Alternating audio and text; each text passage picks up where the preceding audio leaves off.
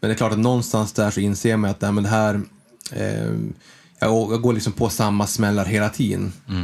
Och jag försökte ju under två år att få kroppen att fungera, men, men eh, sen kände jag att ja, men det, här, det här blir bara destruktivt. Det ger mig ingenting längre. Unika människor presenteras av Vitamin Manager och Apollo Sports. Vitamin Manager skräddarsyr dina dagliga vitaminer. På vitaminmanager.com kan du göra vårt hälsotest för att ta reda på vad du behöver eller välja din dagliga mix själv. Med rabattkoden UNIK får du första månaden utan kostnad och efterföljande för endast 195 kronor. Välkommen! Apollo Sports är Sveriges största arrangör av träningsresor och erbjuder träningshotell för alla intressen och nivåer. Som lyssnare har du nu möjligheten att vinna en resa för två till Apollos resemål Madeira. Gå in på unikamänniskor.com och tävla enkelt. Tack för att du lyssnar. Nu kör vi!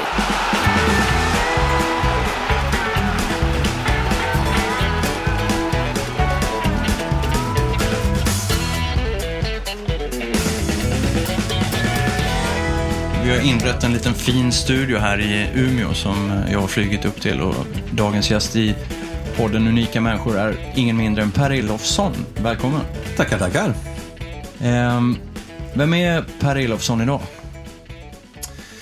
Ja du, en eh, 39-årig herre med två egna barn. ehm, faktiskt eh, precis avslutat ett nioårigt uppdrag på Swedbank.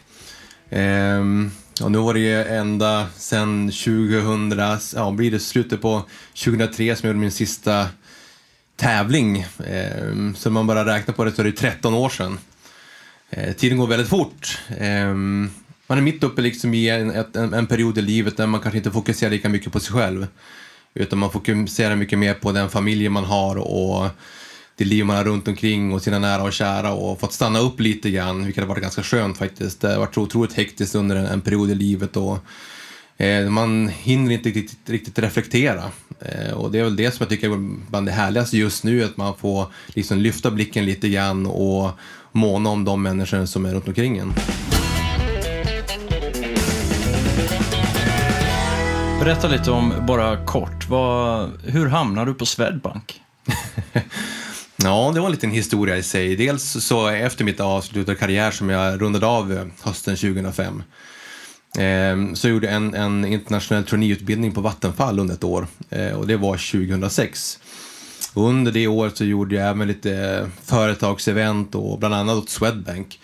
Eh, deras ledningsgrupp och eh, deras kontorschefer från deras eh, representationskontor runt om i världen skulle ha en liten, liten get together. De ville ha in någon, någon person där som kunde hålla lite låda och de skulle tog dit snö så vi åkte skidor med, med en, bland annat en tjej från Shanghai. Då, ehm, och under den kvällen så satt jag och pratade med dåvarande vdn Janne Lidén.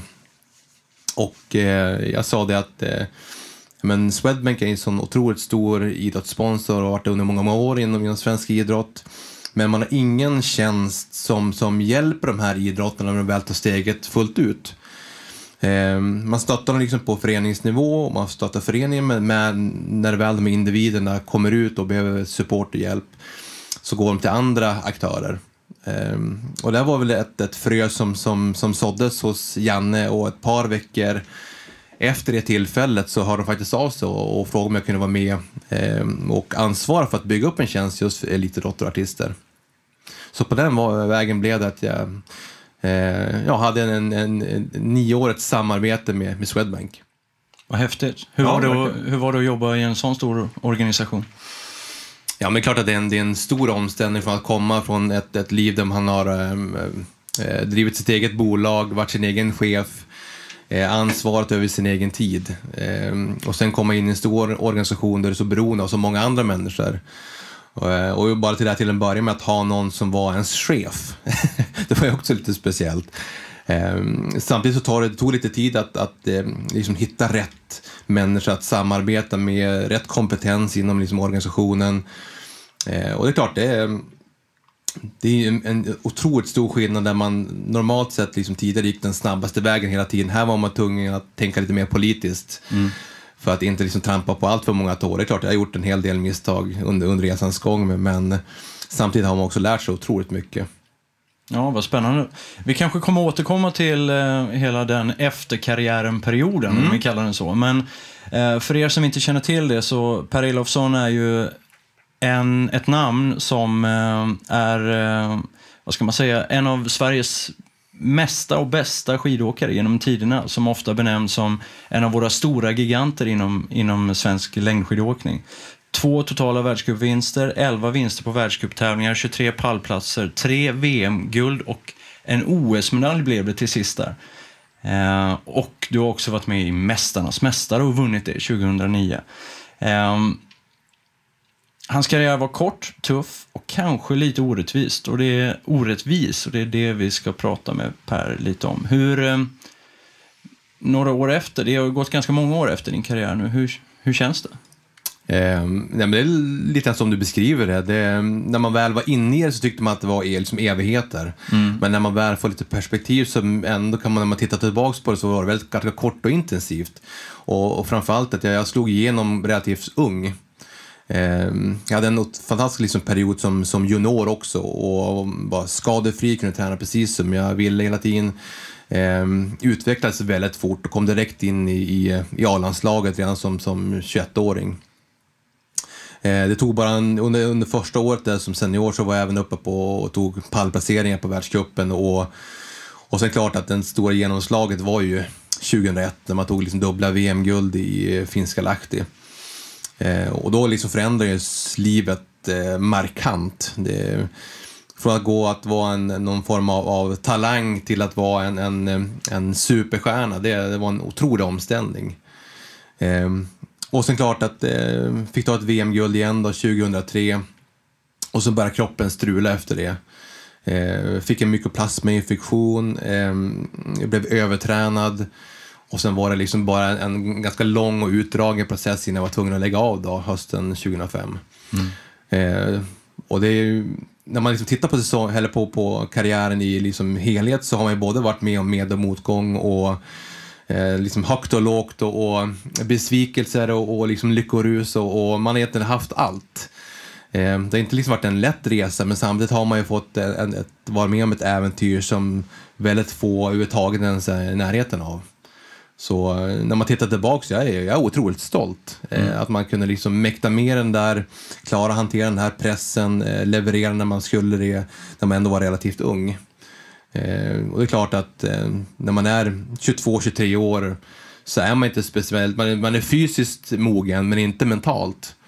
Man har inte så mycket livserfarenhet och framförallt när man levt in i en, en ganska liten liksom, idrottsbubbla så har man liksom begränsad erfarenhet på sidan om. Och Eh, Eh, jag kan väl titta tillbaka själv och tycka att jag tycker jag hanterade det ganska bra, även fast man inte hade den erfarenheten.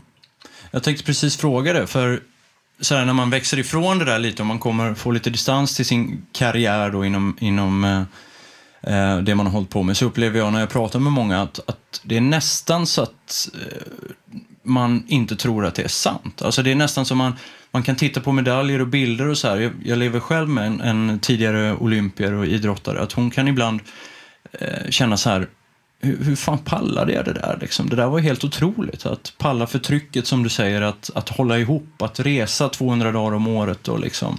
Idag så skulle det kännas som en helt otänkbar liksom, sits att ja. sätta sig i. Ja, men jag håller med. Det är svårt att förstå hur man egentligen fick det här drivet att orka. Vissa veckor så kör man ju liksom extremt mycket och jag körde oftast eh, fem dagar i veckan och hade två vilodagar och vissa av de här veckorna var uppemot 30 timmar på de här fem dagarna. Det är klart att det är sex timmar tung konditionsträning varje dag. Ehm, att det är inte kanske alltid det fysiska som är eh, det jobbigaste utan det är det mentala. Att orka motivera sig att liksom genomföra de här passerna så bra som man ska göra. Det, är inte, handlar inte bara om att liksom vara ute den tiden utan det är att ha kvalitet också på de timmarna. Eh, och en sak kan jag kanske göra en vecka, men när man gör år ut, år in, månad efter månad.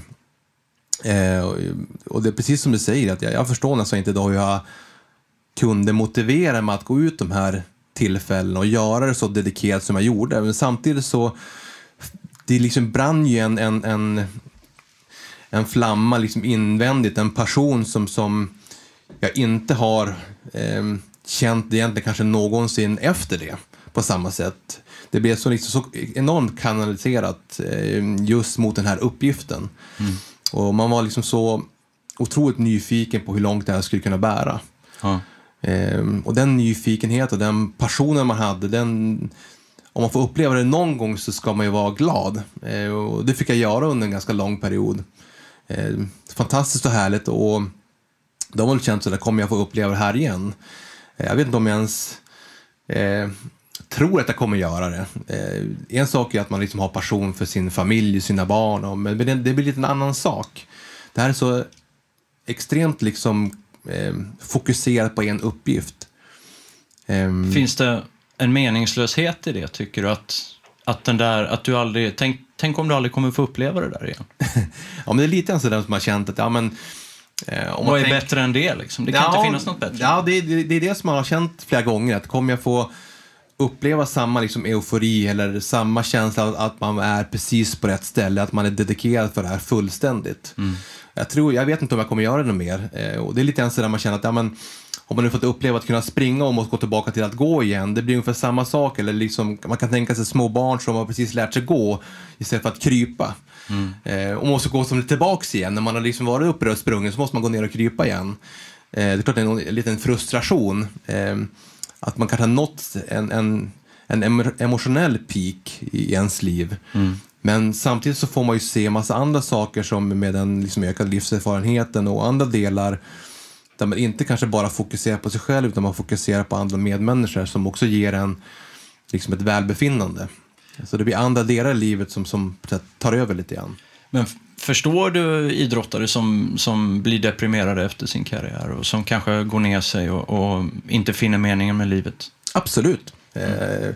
Jag har träffat väldigt många också, även i, det jobbet jag haft. Jag tror man har hjälpt många idrottare och artister och man känner igen det. Man, kan, man pratar liksom på samma plattform och man, man vet att när man går ifrån arenan och varit liksom kungen där och, och, och blivit hyllad och sen så kommer man ut någonstans i ett liv där du inte har samma verktyg och du har samma fokus eller mening utan du ska mer eh, hitta en, en, annan mening i livet och, och, det är inte så himla enkelt. Eh, och det är svårare än vad folk tror. Jag tror att ett ganska stort mörkertal där, där ganska många som just varit extremt dedikerade för någonting och tappar lite grann det där. Det blir ju en, en identitetskris. Eh, just att man har hittat någonstans där man eh, har en tillhörighet. Mm. Det är också jätte, jätteviktigt. Och, och jag tror att många Eh, och framförallt också förbund kanske skulle kunna titta lite mer på och, så man inte bara släpper vissa individer utan det är en helhet man måste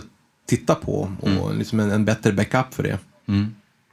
Eh, vi ska hoppa tillbaka lite till din karriär. Vi, vi eh, kommer in på 2001. Du, du är 24 år, du har precis säkrat eh, den första svenska totalsegern i världscupen. Eh, och eh, du blir kung på VM, du vinner femmilen i Holmenkollen. Det är liksom ett år som bara helt outstanding. Eh, och du vinner också brödguldet det mm. året. Hur mår du då som 24-åring egentligen?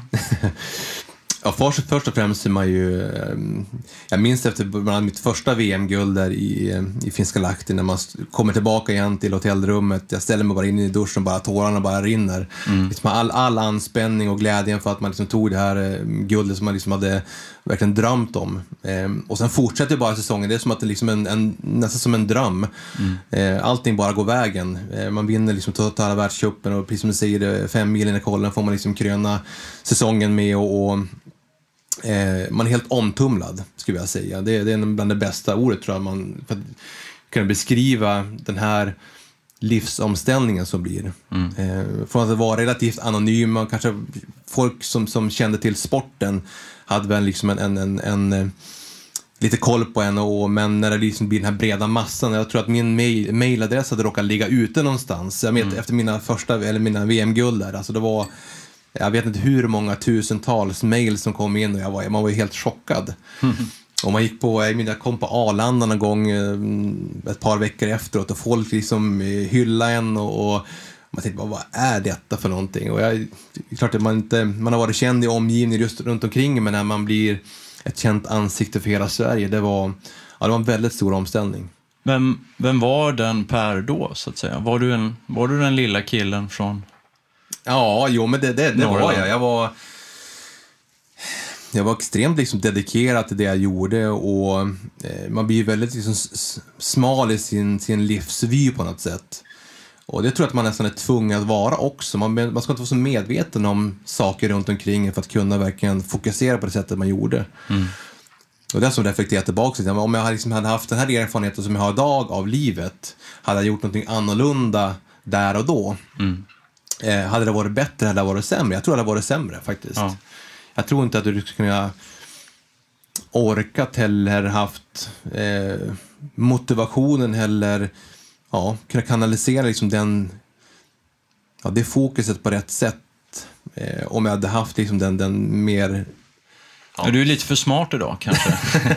kan man säga så?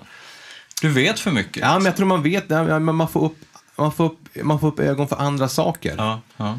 Som, som kan ge en, en tillfredsställelse på något sätt. Eh, man ser att det inte bara att det är kanske liksom saker och ting för sig själv som ger en uppskattning eller man får en tillfredsställelse, utan man kan nästan få samma glädje av att se andra lyckas. Och har du den tanken när du är elitidrottare, då, då är du liksom farligt ute.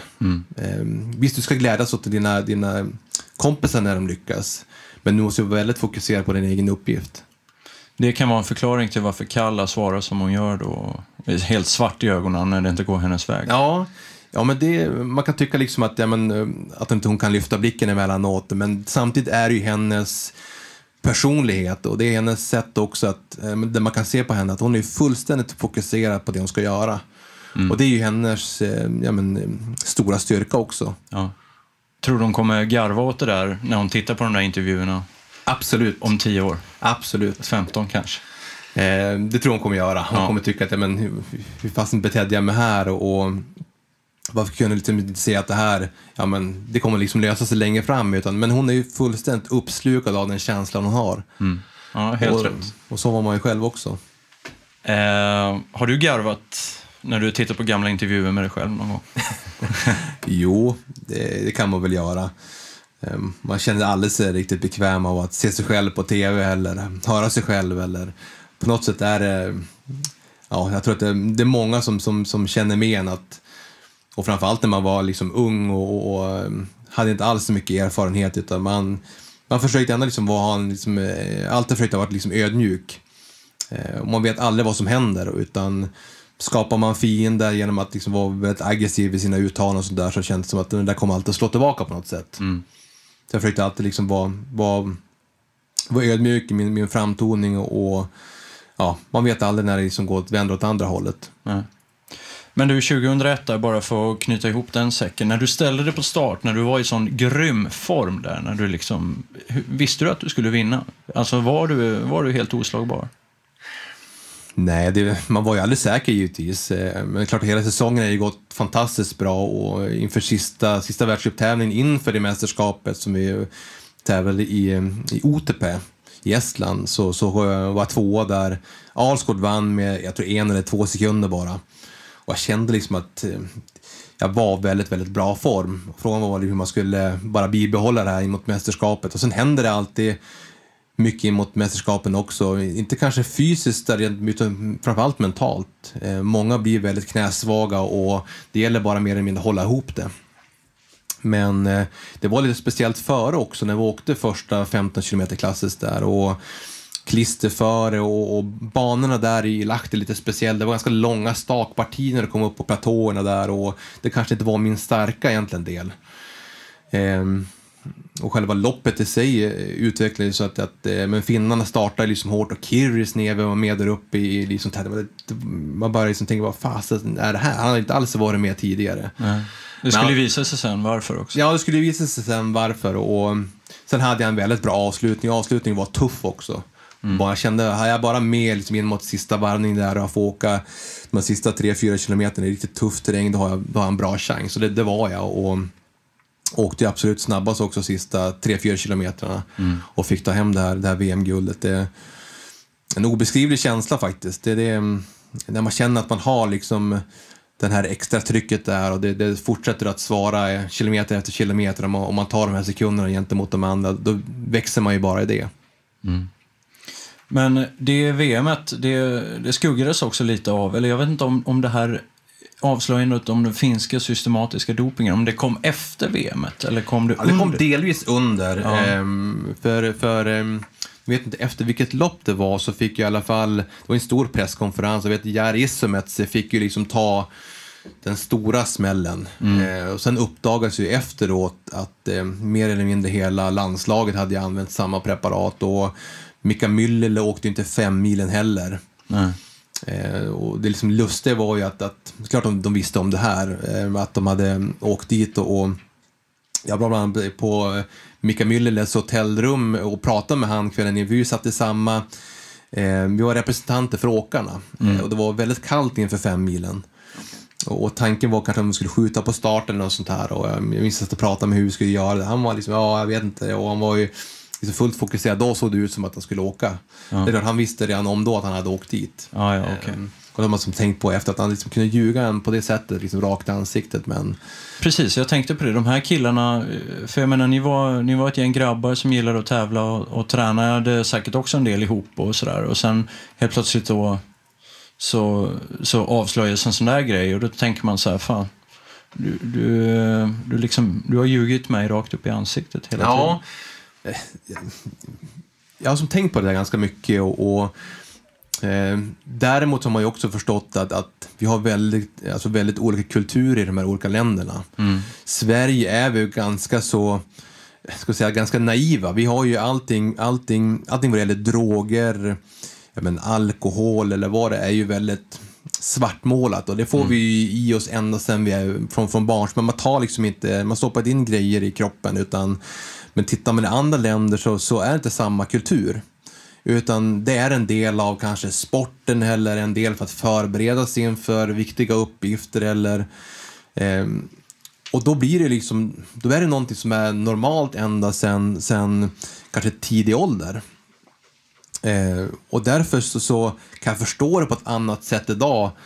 Eh, varför vissa individer har liksom gått över gränsen och, och, och tagit de här preparaten. För det är någonting som de tror att alla gör.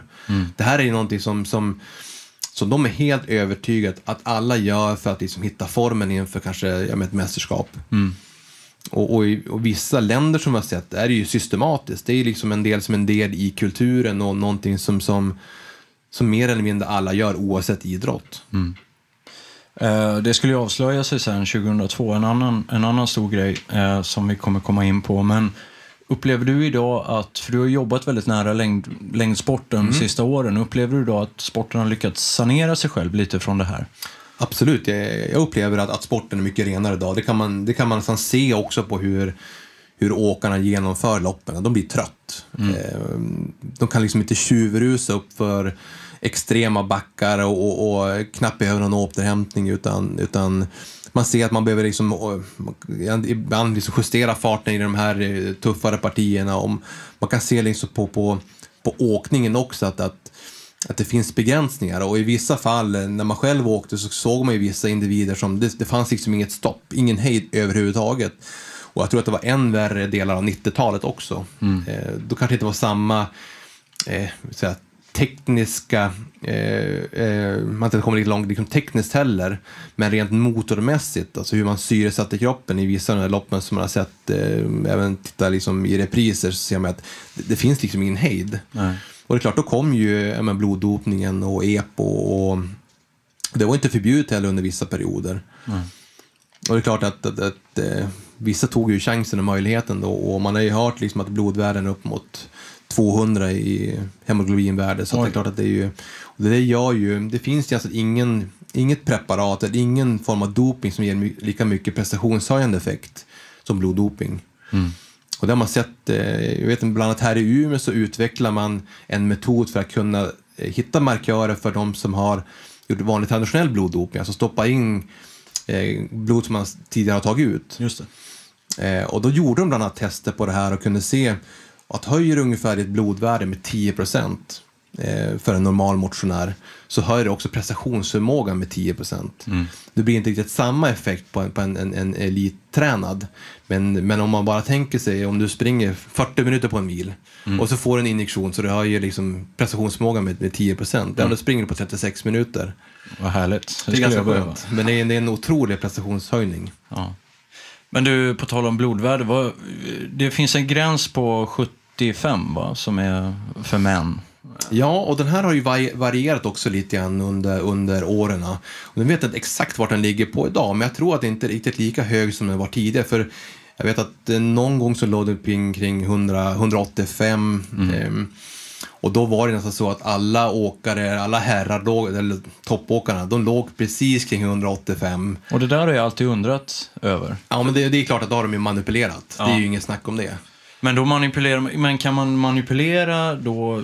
Jag tänker, kan man bara boosta med lite tillskott och dricka rätt grejer eller måste man liksom boosta ordentligt? Ja, du måste liksom boosta ordentligt. Ja. Antingen så är det liksom ren bloddopning, att du har tömt dig på blod tidigare under året och sen så f- för in en blodtransfusion. Eller så, så använder du EPO. Ja. Eh, För det går inte att höja på det sättet genom vanlig traditionell höghöjdsträning. Nej, nej. Jag höjde, mina blodvärden förändras inte någonting överhuvudtaget när jag var på hög höjd. nej. Ingenting. Och därför när man liksom har de här, ja men du jag toppar liksom formen inför mästerskapet och höjde liksom 20 enheter, att det, det finns inte. Ursäkta att jag stör. När du ändå lyssnar, passa på att gå in på unikamänniskor.com och tävla om resan för två till underbara Madeira med Apollo Sports. Det var allt. Nu fortsätter vi.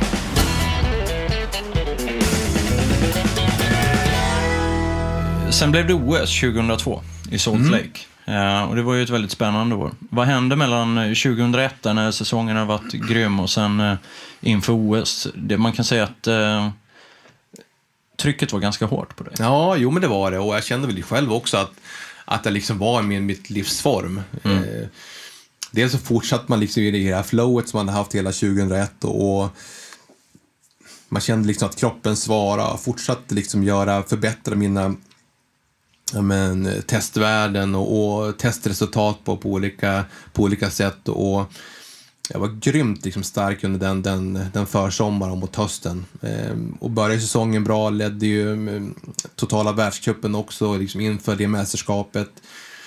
Vi låg på ett höghöjdsläger i, i, i Kanada, i Silverstar. Kände liksom att formen var precis där jag ville att den skulle vara. Ehm, vi låg då på 2000 meter och, och ehm, kroppen svaddade. Liksom, det var en, en, ett, ett parti där på den där anläggningen där, jag vet inte hur många kilometer det var, liksom brant upp för och kroppen bara, man kunde liksom bara ja, gå på nästan max även på den höga höjden. Och kroppen liksom svara. Eh, förlåt min okunskap här, men vad hade du för eh, lagkamrater i, i, vid den här tidpunkten? Vilka åkte till OS 2002? Ja, bland annat var det ju Mattias Fredriksson. Ja. Eh, vi hade en kille som hette Morgan Göransson. Eh, Niklas Jonsson. Eh, Urban Lindgren. Vilka hade mer? Eller var det Magnus Ingesson? Just det. Vilka var det fler från bland herrarna? Men det var ingen egentligen som var... Ja, Mattias Fredriksson kanske, han var väl med och, och vann lite världscuper. Jo, och, precis. Eh, han var med och fightade sådär. Men det var ingen som kanske var liksom absolut eh, längst där uppe och, och som man kunde liksom hjälpas åt lite grann. Var piken och, och det klart, trycket hängde ju lite grann på, på mina axlar. Och det är klart, det kände man ju av, framförallt när man hade haft en säsong man hade innan och, och jag kände att det här var ju mitt OS. Eh, det fanns liksom ingenting som egentligen skulle kunna stoppa mig, varken fysiskt eller mentalt. Jag liksom var, var stark på alla, alla, alla fronter. Hur, hur många distanser bestämde du dig för att köra? Eller bestämmer man sig eller kvalar man in till de olika distanserna? Nej, men man, eh, lite beroende på eh, hur du har presterat innan så får du liksom klartecken av, av eh, förbundskapten. Ja, just det. Och det är klart att eftersom det hade gått så pass bra inför det mästerskapet och så kunde jag mer eller mindre kanske välja vilka distanser jag ville köra. Just det. Ehm, och det är klart att inledande eh, ja, men tre milen i, i fristil, gemensam start, det kändes ju bara liksom helt klockrent, ja, men perfekt. En, liksom en bra start, min, min distans. Ehm, eh, för då, jag, jag upplevde att mig själv att jag var lite bättre på, på fristil. Jag hade en, en ganska väl liksom, utvecklad teknik och, och en bana som passar mig liksom, tungt och bra och liksom, höga syreupptagningsvärden och, och det fanns liksom ingenting egentligen som jag tyckte skulle vara någonting negativt för mig. Utan känslan var ju liksom, ja, nu, nu, är det liksom, nu ska jag bara hämta det här guldet. Mm. Vilket det inte blev. Nej, precis. Och eh, jag, jag har ju spelat upp det där lite när jag gjorde researchen på dig. För jag, var, man kan säga så här, 2002 var inte det här min, mitt fokus att titta på TV. då var jag 22. Men eh, det är en helt enorm eh, sak han gör där, Johan Myhlegg. Eh, och jag vet inte hur du själv uppfattar det. Kan du beskriva lite vad, vad dina, hur dina tankar gick? Ja, hela känslan kring, kring loppet, det var ju att eh, Johan var alltid en sån som, som ofta startade väldigt hårt. Ja. Eh, däremot hade han ganska stora liksom, begränsningar vad gäller teknik. Okay. Eh, så oftast så, så brukar det där liksom jämna ut sig. Han öppnar hårt och så visste man att ja, men efter ett par kilometer, ja, men då tappar han liksom farten. Mm. Och sen brukar han tappa en del på slutet. Eh, med det här tillfället så han startade ju som att det skulle vara upplevdes som att det var sista liksom, kilometrarna. Mm. Liksom i ett tempo som, som alla hade bara, alltså, man hängde knappt med ända från start. Hoppskatade liksom upp för de här enorma liksom, backarna på den här höga höjden. Det var precis på maxgräns, vi låg ju på 2000 meter det här området. Och eh, jag tänkte, ja, men här, alltså, han måste liksom börja eh, liksom vrida ner farten strax. Det, det finns liksom ingen möjlighet i, i liksom historien att han skulle kunna fortsätta tre mil i det här tempot. Var det som liksom gick genom min skalle hela, hela tiden till de första kilometrarna. Ja. Och jag vet ju att eh, eh, vi hade också betydligt bättre glid än han, så varje gång i de här utförsbackarna så kom jag och Olle in och då bara gled om han. Mm. Eh, och jag visste det var något parti där vi gled om han ganska rejält och liksom en bit upp i en backe så kom han liksom på yttersidan och bara hoppskata förbi och bara, bara ja, flämtar bara, som en brunstig tjur som kommer och liksom drar förbi. Ja. Man tänkte bara, vad i hela... Liksom. Och det är, bara, det är klart att massor med liksom, tankar börjar florera i en skalle. Bara, vad, det här stämmer inte. Nej, det här liksom, det, det, det är helt horribelt. Det går liksom inte att åka på det sättet. Och han är ganska stor och tung också. Ja. Det passar inte heller han egentligen de här banorna. Men eh, det visade sig i efterhand att han var ju så fullproppad med, med grejer och det är klart att han hade inga problem överhuvudtaget att syresätta sin stora muskulösa kropp. Och där är det klart att allt efter loppet går så känner jag att eh, till slut, det här går inte. Har du bränt allt krut där? Alltså, Alltså jag, jag följde med precis så länge som kroppen liksom mäktade med. Och Ja. när inte jag kände att jag orkade någonting mer så jag var helt totalt tömd. ja. Ja, jag gick ju på, på NIT, jag fick ju liksom syrebrist. Eh, Och då får du ju syrebrist så att du blir liksom helt groggy. Och då återhämtar du inte. Utan jag åkte ju eh, en, en, en bit till och sen så, ja, jag vet inte vilken, vilken varvning det var, så, så gick jag av där för jag kände att jag var ju helt väck. Alltså jag var helt, jag, man upplever sig nästan berusad. Så, så liksom groggy var man i, i, i knoppen. Du får en form av syrebrist i hjärnan. Ja. Det är det som händer. Men efteråt när de intervjuar dig så är du ändå en ganska, vad ska man säga, sympatisk person. Du, eh, du svarar på frågan att eh, nej, det är bara att bryta ihop och komma igen, säger du. Eh, Men innerst inne så kanske du vet att det här, det här var inte normalt. Varför kunde du inte säga det?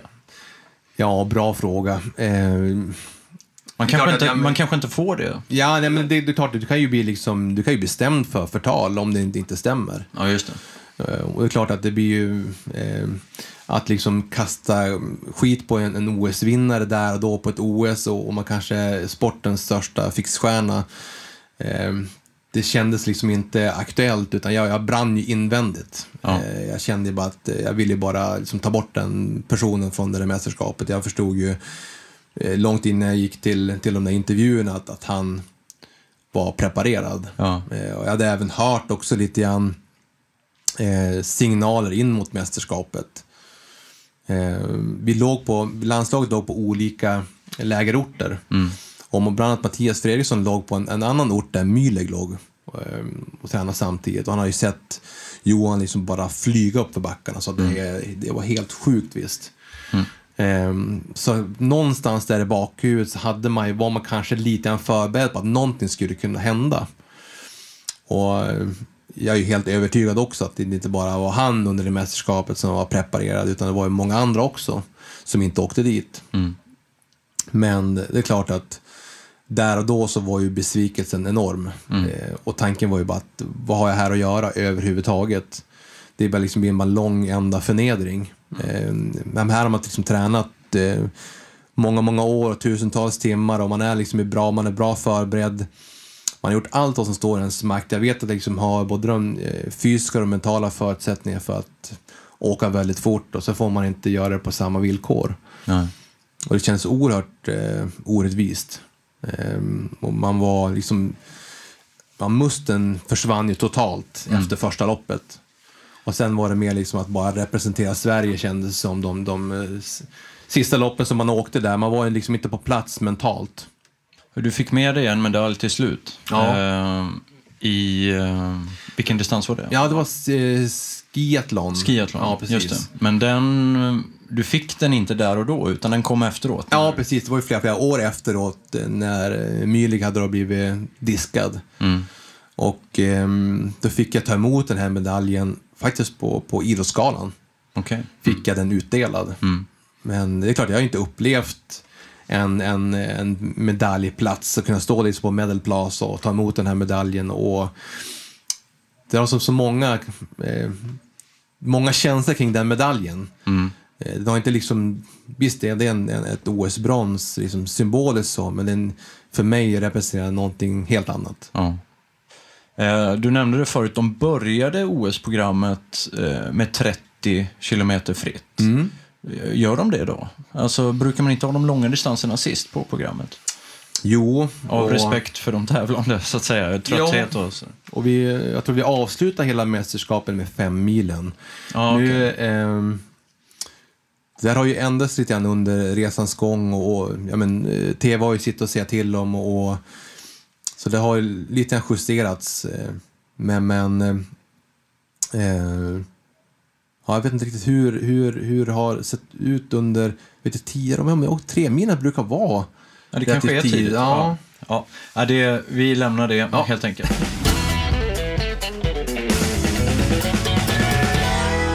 Per 2002 där, du ledde totala världscupen inför OS och satsade även hårt mot OS. Det är en ganska järv liksom. Idag så upplever man väl kanske att folk som ska köra OS och satsa allt på OS, att de inte gör liksom de här dubbla satsningarna. Du hade liksom inga problem med det då? Nej, men mitt fokus var ändå på OS och jag tyckte ändå att jag, eh, jag la liksom inte så himla mycket liksom fokus på, på världscupen, utan klart jag ville prestera där. Och när man väl liksom står på startlinjen så gör man ju det bästa man kan, men träningsmässigt så hade jag ändå lagt upp det för att prestera som bäst under februari och under, under mästerskapstiden. Eh, Du råkade bara leda den. jag råkade bara leda. Jo, men, det- jo, men det, det var lite så. Jag, hade, jag tror jag hade liksom den, den kapacitetsnivån och den jämnheten som gjorde att även fast man kanske inte tog ut eller fick ut kanske 100-100 procent så kunde man ändå vinna. Mm. Eh, och samtidigt när man inte hade riktigt fokus på världscupen så blev det inte lika eh, allvarligt. Eller kunde man slappna av på ett annat sätt också. Och det kanske i sin tur ledde till att man, man, man blir mer harmonisk också vid de tävlingstillfällena. Mm. Eh, ibland kan jag tycka att när man lägger för mycket fokus på en uppgift så kan det nästan bli att det knyter sig också lite grann. Mm. Det gäller liksom att hitta rätt anspänningsnivå för att det ska liksom bli... Ja, ska hitta... Ja, för att kunna prestera på ett, på ett optimalt sätt. Just det. Och mm, det är inte alltid, alltid så himla lätt. Eh, efter OS där så um, hände det, började det hända lite konstiga grejer med din kropp. Du drabbades av, um, ja det var väl under sommaren, hösten där kanske, du drabbades av mykoplasma. Ja, precis. Det var ju efter, um, efter säsongen 2002-2003. Så då efter egentligen Val di Fiemme, där jag fick ta eh, eh, mitt VM-guld där, som, som kroppen eh, också liksom började Nej, men det stämmer ju. Det var ju efter 2002. Eh, för jag hade en ganska lång... Jo, men det var precis, det stämmer ju. Eh, hade ju en lång period där med, med liksom sjukdom och försökte bara smyga igång lite grann efter, efter den säsongen mot, mot 2003 och det VMet. Jag började väldigt sent då, jag vet jag var uppe i, i Bruksvallarna på, på senhösten där och, och början på vintern. Eh, och jag mer eller mindre bara gick på skidorna. Mm. Och eh, ja, kroppen var inte alls liksom sådär i, i hundra slag och, och direkt jag började belasta kroppen lite grann så blev jag liksom krasslig och sjuk och liksom hostig och, och Sen åkte jag ett, jag tror att SM i Idre, som jag började känna ändå att ja, men du, det här, vissa lopp här börjar ändå eh, likna någonting. Då har man i alla fall kanske någonting på ett mästerskap att göra. Så jag vet, jag vann ju något lopp där på SM och, och, och sen la liksom allt fokus överhuvudtaget på bara vara både fysiskt och mentalt så bra form som jag kunde då mot, mot VM i, i Val 2003. Men jag var ju långt ifrån den formen som jag haft både 2001 och 2002. Mm. Rent fysiskt. Ehm, och det var liksom jobbigt att känna att gå in i ett mästerskap och känna att ja, men jag är inte hundra. Utan vad ska det här bli för någonting? Ehm, och inledande, jag ska säga, vi åkte nog 15 klassiskt där också. Jag att Axel Teichmann vann det loppet. Jag, jag vet inte om det var fyra, femma, sexa, någonting sånt. Eh, och tyckte ändå att ja, men, ja, men det var inte så jäkla illa i alla fall med tanke på liksom den, bara för ett par månader sedan så var man knappt, hade man knappt styrfart ute liksom skidspåren. Och så fick man det här eh, liksom gyllene skiathlonloppet då, med, med magiska skidor som hade avslutningen på, på där och kunde bärga hem ett guld där som var ja, verkligen oväntat. Mm. Ingenting som jag hade räknat med överhuvudtaget och jag är ingen eh, sprinter heller, att kunna liksom spurta ifrån då norrmannen där på, på upploppet och ja, det var ju helt fantastiskt.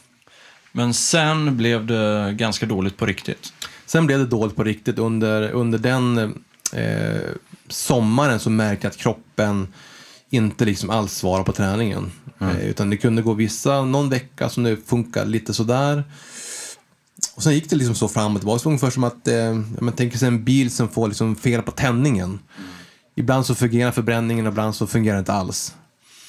Eh, och mer och mer mot, mot hösten och eh, åker första världscuptävling där i norska Beitostölen. Och blir ju, jag vet inte ens bland de 40 bästa, tror jag, 50, 50 plats, 56 eller vad någonting blev. Jag kände att det här, nu, nu, nu måste jag liksom ta ett break. Nu måste mm. jag få låta kroppen vila verkligen. Och, och, och väljer ju där då att, att eh, jag liksom gå ut och säga att ja, men jag måste ta liksom ett break och, och vila upp mig. Och, tanken då att liksom kunna fortsätta liksom, eh, kommande säsong. Mm. Man, man, man lägger ner den här säsongen och så får man vila och, och låta kroppen återhämta sig. Jag var ju väldigt övertränad. Men, men eh, det blev ju inte riktigt så. Mm. Utan kroppen vill ju inte svara på träning, även fast jag, liksom, jag, jag vilar under en lång period. Man kör liksom, eh, testar massa olika träningsupplägg olika kostupplägg. Eh, Man gör liksom allt tester, allting visar på att ändå kroppen ska vara någorlunda eh, liksom blodvärdesmässigt normalt. Men, men eh, någonting har ju hänt med ämnesomsättningen. Mm. Jag, har, jag får inte liksom igång den, den förbränningen som, som jag hade tidigare. Det syns tydligt också på alla, alla eh, syreupptagningstester som gör liksom, du tappar, tappar liksom över, ja, över två liter mm. i syreupptagning. Upplevde du att eh, det fanns en förståelse för vad som hände dig här? Alltså visste folk, fattade folk? Nej, folk fattade inte det. Eh, Läkare, doktorer skakar på huvudet och undrar? Ja, ja jag upplever som att, att eh, nästan från vissa håll att folk tycker att, men fan, liksom, ta i lite grann nu. Ja, men, mm. Ungefär som att ja, men nu har han blivit bekväm här, nu är han liksom lite lat här. Ja. När det liksom är det motsatta. Jag, jag har ju kört för hårt. Ja. Eh, jag har fått liksom, kroppen har ju, har ju tagit stryk. Eh, mm. Kroppen är rejält övertränad och, och liksom de inre systemen har, liksom, är i obalans. Och det är klart att där och då, då visste kanske inte så, alltså, läkarvetenskapen har gått fram väldigt mycket vad det gäller liksom utmattningssyndrom och, och hela den här eh, liksom kunskapen har ju blivit betydligt mer omfattande nu än vad det var då. Och framförallt eh, vad det gäller ja, men, tränare och, och, och liksom personer runt omkring eh, och människor är mer medvetna om ja, men, folk som blir utbrända eller liknande eh, tillstånd. Men det var inte alls på samma sätt då, utan jag upplevde det som att folk bara, men du, ja men nu, nu, liksom, nu har du liksom, nu har du tappat geisten. Fanns det några som du kommer ihåg från den tiden som verkligen fattade? Som verkligen förstod liksom? Alltså några, några som lyssnade och verkligen... Jo, nej, jag, hade, jag hade personer runt omkring mig ändå som, som um, hade varit med om, om liksom liknande händelser, som hade bra bollplank. Mm. Men, men det var ju väldigt få, väldigt, väldigt få som, som när man ändå ser relativt frisk ut, liksom utseendemässigt så, eller liksom utifrån, men när man känner sig helt liksom energitömd inifrån. Och det är svår, svår eh, liksom känsla, eller känsla att beskriva när man när liksom energinivåerna bara är rakt ner i källaren. Mm. Man är trött, man vill bara sova och man, man behöver liksom återhämta sig. Kroppen är liksom urvriden. Mm. Sen återhämtar sig så man, man, man, man, man fungerar liksom normalt vid normal belastning. Men när man sen försökte att, att pressa kroppen så, mm. så responderar det inte på samma sätt. Hur tog du dig ur det där? Ja, egentligen tid. Ja. Det, det tar tid och eh, man måste, även fast det känns jobbigt där och då, att man är liksom trött och sliten, så måste man försöka hitta ett lugn i den här frustrationen som man känner. För klart, ju mer stressad man blir och ju mer frustrerad man blir, ju, ju längre kommer det bara ta. Mm. Men det är klart att någonstans där så inser man att nej, men det här, eh, jag, går liksom på samma smällar hela tiden. Mm. Och jag försökte ju under två år att få kroppen att fungera, men, men eh, sen kände jag att ja, men det, här, det här blir bara destruktivt. Jag ger mig ingenting längre. Nej, för du, du gjorde ju en uttalad satsning mot Turin. Och ja. då när man tittar på de intervjuerna när du, när du liksom eh, kom tillbaks där och hade en presskonferens och sådär. Då hade du, du hade gått upp en del i vikt för att du var tvungen att, eller kroppen la på sig väldigt mycket mm. för du kunde inte träna heller och så vidare. Um, men satsningen kom av sig helt enkelt? Eller du, du, det gick inte? Nej, kroppen, kroppen uh, fungerade inte på samma sätt. Utan, utan, uh, uh, och det har ju... ja, men där och då jag det var otroligt jobbigt. När man, 2006 då hade jag ju liksom sett fram emot det OS och det har liksom varit fokuset. Och, och det var som ganska Däremot var jag ju på det OS fast på andra sidan eh, stängslet höll på att säga. Mm. Jag gjorde mitt första uppdrag då för tv och, och eh, så det var det skönt att liksom då lägga fokus på någonting annat. Ja. Eh, men det är klart att det var, det var ju ingenting som man hade önskat att liksom behöva lägga av där och då, 2005. Jag hade ju, mentalt sett var jag inte färdig på något sätt. Nej. Utan jag kände att, eh, och så inte fått avsluta på det sättet heller man vill. Eh, är också lite frustrerande. Däremot så har man liksom uppnått kanske det man har velat under karriären. Men jag var liksom inte nöjd mm. och kände att jag hade många, många år, liksom fina år framöver om kroppen bara hade fungerat. Grät du mycket över det beslutet? När du kände att det trillade ner så här, fan, jag måste sluta, det här funkar inte? Eh, nej, nej, men jag gjorde nog inte det. Utan jag var, det är som ett beslut som hade växt fram ja. under de här åren också. Man hade försökt få kroppen att fungera igen. Så att någonstans där känner jag, ja men nu, nu, är liksom, nu är jag färdig med det här. Nu har jag försökt, jag har verkligen gjort allt vad jag kunnat. Det finns liksom ingenting annat som jag skulle, jag har verkligen försökt ta liksom de expertiser och den hjälp som, som, som finns här i Sverige.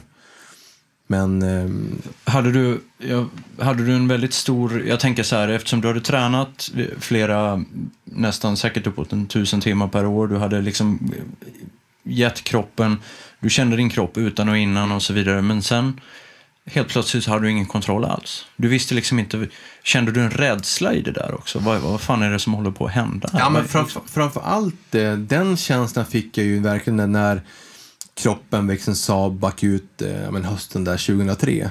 Ja. Um, för, för, för jag drog på mig enormt mycket vätska under, under ett par månader. Mm. Det var som att jag fick liksom så här ödem i kroppen. Um, och, och, det där liksom svängde ju fram och tillbaka. Det sprängde liksom i ansiktet och i, i låren och liksom i hela kroppen. Jag fick ju någon form av, ja, verkligen liksom en, en grav obalans i kroppen, mm. hormonellt. Eh, och samtidigt så, så försvann det ju lika fort som det, liksom, det kom. Ett par månader efteråt det så, så var det liksom borta. Men det var ju en, en, en otroligt liksom olustig känsla. Mm. Eh, att eh, när man normalt sett vet att jag menar, när jag gör så här när jag tränar så får jag de här reaktionerna, den här eh, responsen. Och när inte det fungerar på det sättet, då blir man ju liksom lite konfunderad, man blir liksom splittrad och man får ju inte alls samma svar som man är, är normal att få. Då tappar man ju lite grann den här tryggheten. Mm. Eh, och det är klart, det tog ju lite tid att liksom acceptera det. Mm. Att nu har jag inte liksom de verktygen som jag normalt hade. Utan jag får liksom börja titta på en annan arena att, att göra någonting annat på. Mm. Och då blev det att, att eh, eh ja, men efter det här beslutet jag gjorde då, hösten 2005, att av, avsluta min idrottskarriär så, så började jag ganska snart därefter på, på, på en, en traineeutbildning på Vattenfall. Just det. Och fick också min, mitt första barn där, 2005.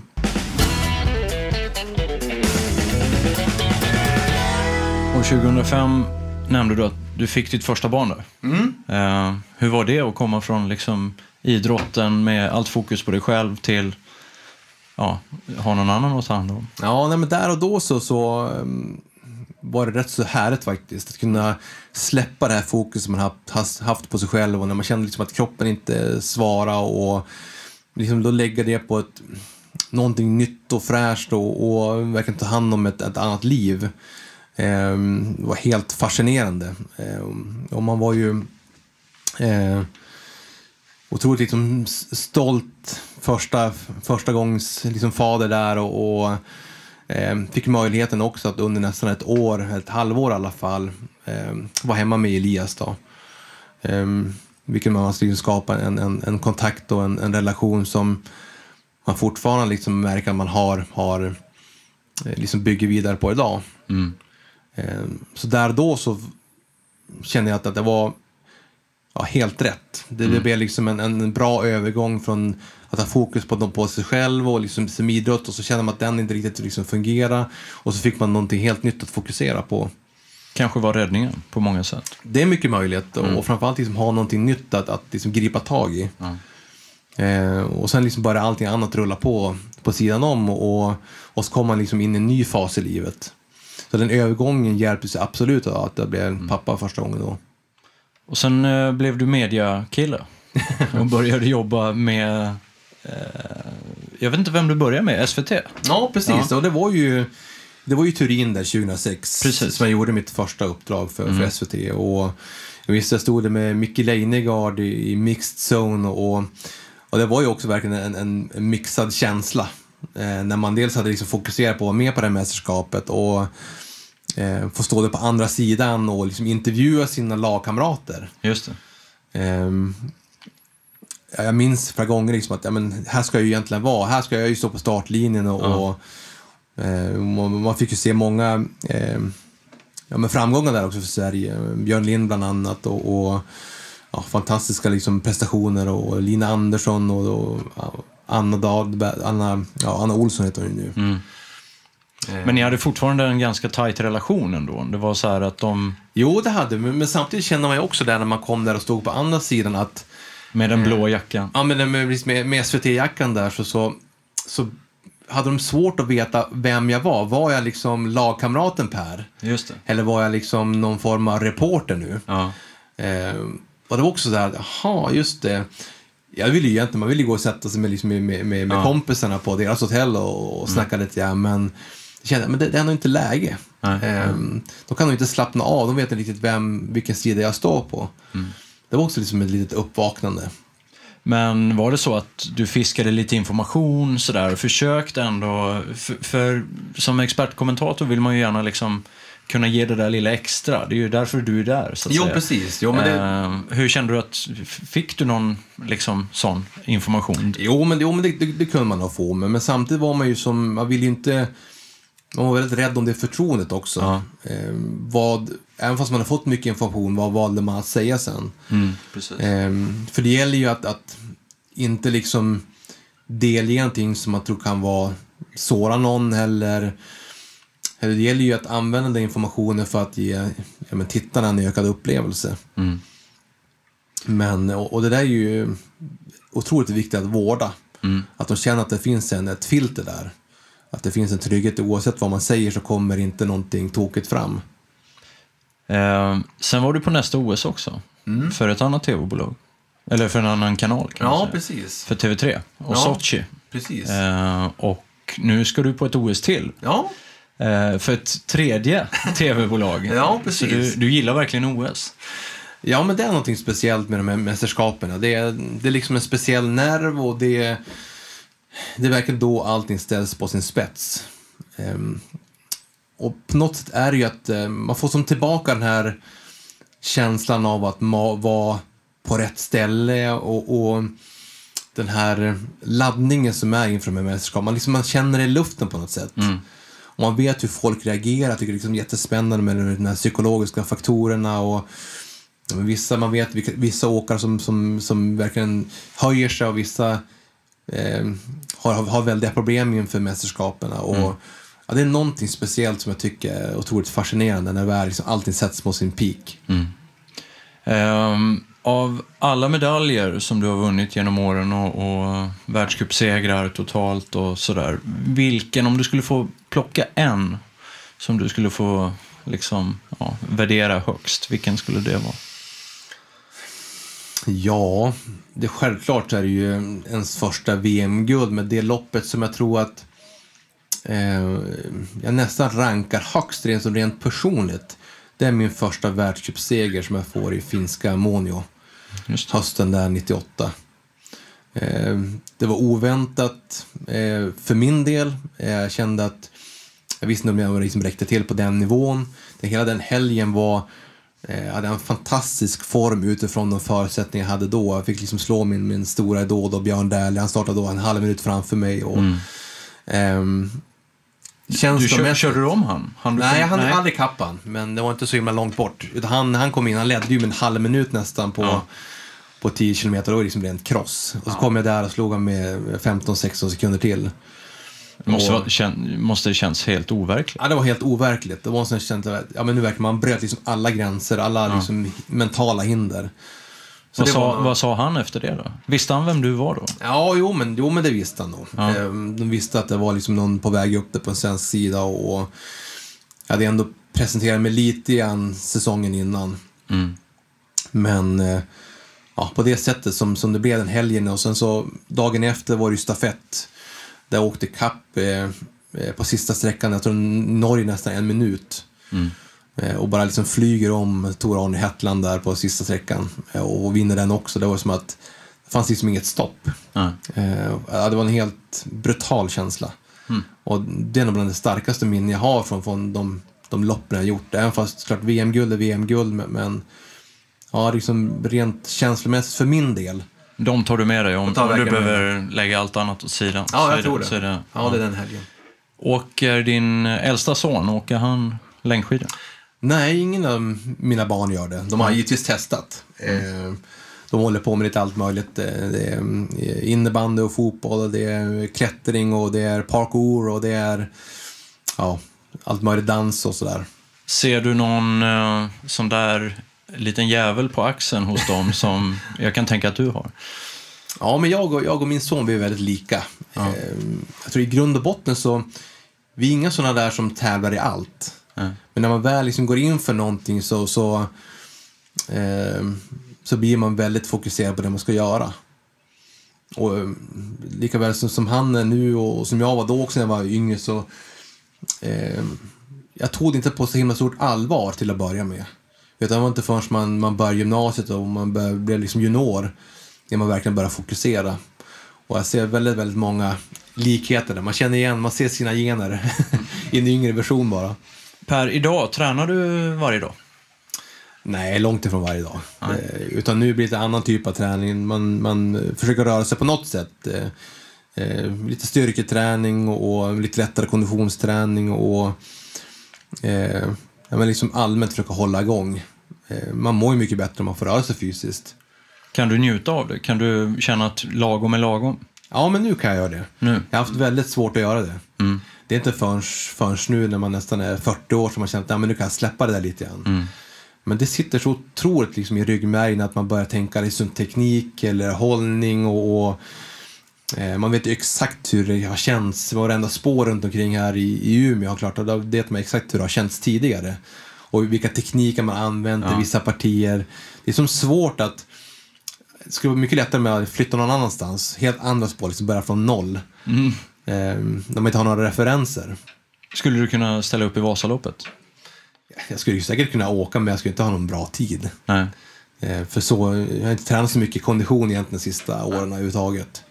Men du känner att du kan belasta kroppen om du skulle vilja träna hårt eh, idag? Ja, inte, jag, inte, jag vet inte om jag kan liksom belasta jag håller liksom på att, att eh, liksom träna upp kroppen lite grann. Mm. Eh, där bara på en väldigt låg nivå och bara mest med, med liksom styrketräning nu. Få gå igång lite med att man är kontinuerligt tränad. För jag har inte tränat kontinuerligt ända sedan jag la av. Nej. Utan det blir man kört en liten period och sen har man liksom blivit andra saker som har tagit ens fokus och liksom bara få noll igen. Jag har liksom bestämt mig nu för egentligen, egentligen från förra sommaren att nu ska jag liksom börja kunna träna kontinuerligt igen. Ja. Och då börjar man med någonting som man vet kroppen mår bra utav. Mm. Och styrketräning är inte alls samma typ av liksom, energiförbränning, förbränningsprocess ja. som, det är, som det är konditionsträning.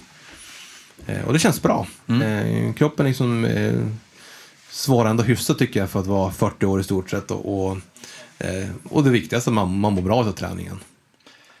Eh, innan vi lämnar träningen bara, jag ska ställa en, en sista fråga sen. Men eh, Eh, det ryktas om att du har en tid på en...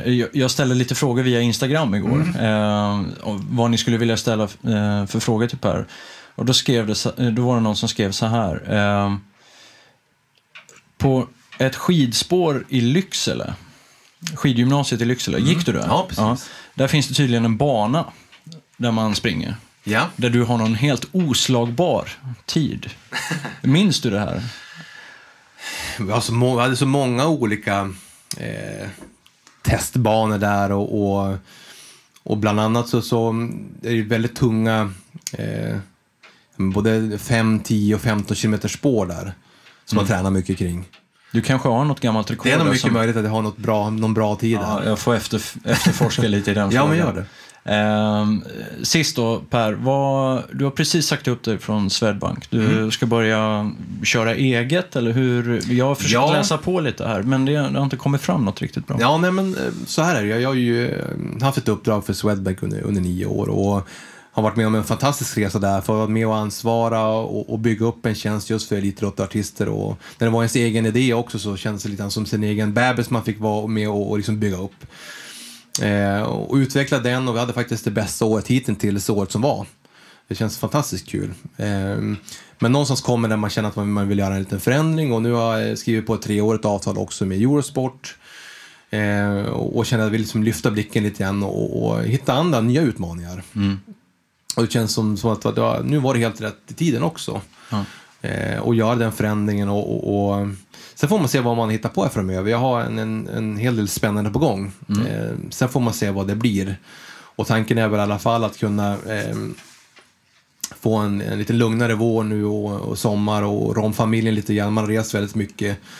Och sen får man se om det blir nya utmaningar mot hösten. Det ser vi fram emot att mm. följa. Och framförallt lycka till med OS också i eh, Sydkorea. Ja, det, det blir du och eh, Roberto Vacchi kanske som gör de grejerna då? Ja, vi kommer ju att, äh, att kommentera det och ja. vi fick ju också med oss nu Jonas Karlsson som gick från, från SVT över Just det, en riktig rekrytering. På, ja, det är spännande.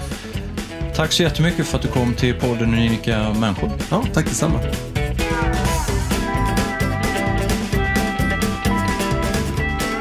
Du har lyssnat på Unika människor med Jojje Borssén i samarbete med Vitamin Manager och Apollo Sports. Tack till producenten Jonas Sjöberg och produktionsbolaget A1 Produktion.